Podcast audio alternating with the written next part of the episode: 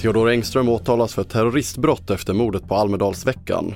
Stärkt luftförsvar och ökning av antalet värnpliktiga krävs när Sverige kliver in i NATO och helikopterolycka i Norge. Det är rubrikerna i TV4-nyheterna. Vi börjar med att 33-årige Theodor Engström åtalas för terroristbrott för mordet på psykiatrisamordnare Ingmarie Wieselgren under Almedalsveckan i juli i år. Och han åtalas även för förberedelse till terroristbrott. Engström greps ju här bara minuter efter att han, eller bara någon minut efter att han eh, attackerade Ingmarie Wieselgren, det som ledde till hennes död. Eh, men sen fem dagar senare så skärptes eh, brottsrubriceringen till misstänkt terroristbrott. Åklagaren har ju inte precis velat specificera på vilka grunder han har dragit den här slutsatsen eller vilka uppgifter det är som har kommit fram. Eh, men nu tyder ju det här på att han har så mycket på fötterna eh, för att han menar att jag ska kunna hålla i en rättegång. Det sa TV4s reporter Magnus Wennerberg och mer om detta på tv4.se.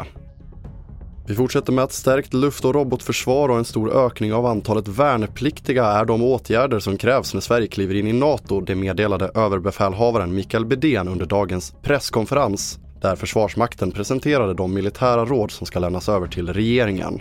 Och målet om att försvaret ska växa till 2% av BNP verkar kunna nås snabbare än vad som tidigare förutspåtts. Det är ett mycket allvarligt säkerhetspolitiskt läge och det är också ett allvarligt säkerhetsläge. En osäker omvärldsutveckling som vi har att hantera.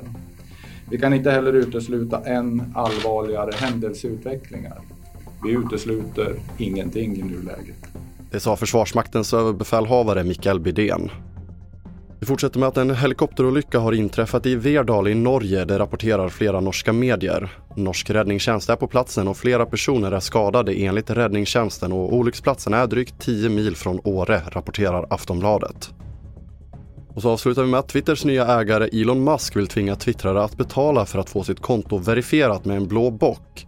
På söndagen skrev Musk, som själv har ett verifierat konto, att man ser över hela verifikationsprocessen och enligt The Verge finns planer på att ta 20 dollar i månaden för bocken.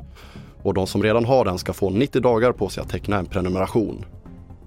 Fler nyheter hittar du på tv4.se. Jag heter André Metenen Persson.